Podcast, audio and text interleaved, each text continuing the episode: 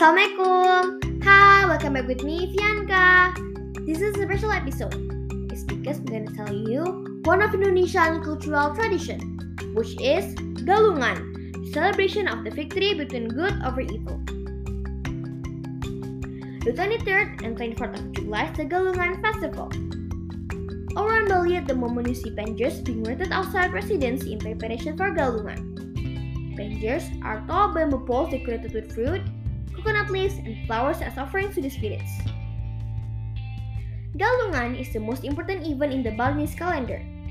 It is a celebration to honor the creator of the universe, Ida Sang Hyang Widi, and the spirits of the honored ancestors. It occurs once in 210 day cycle of the Balinese calendar and marks the time of the year when the spirits of the ancestor are believed to visit the earth. The festival symbolizes the victory of good, Dharma, over evil, Adharma, and encourage followers to show their gratitude to the Creator and sent ancestors.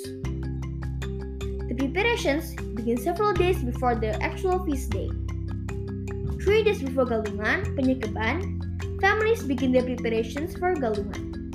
Penyekeban literally means the day to cover up, as this is the day when green bananas are covered up in huge clay pots to speed their ripening. Two days before Galungan, Penyajahan, marks a time of introspection for Balinese, and more particularly a time to make the Balinese cake known as Jaja. A day before Galungan, Penampahan, or Slaughter Day, Balinese slaughter the sacrificial animal that will go into the temple or altar offerings. Galungan itself, the Balinese Hindus return to their ancestral villages to pray at the temple and make offerings to the spirits.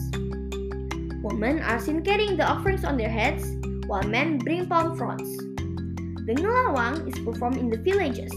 Ngelawang is an exorcism ceremony performed by a barong, a divine protector in the form of a mythical beast. The barong is invited into houses as he makes his way through the village.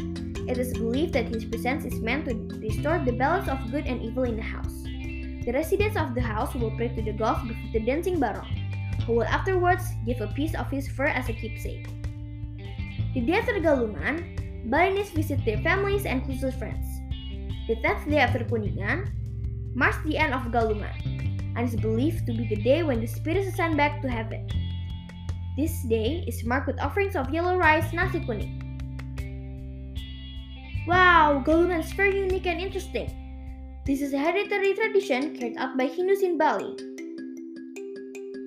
Okay guys, so that's all for today's episode. See you in another episode.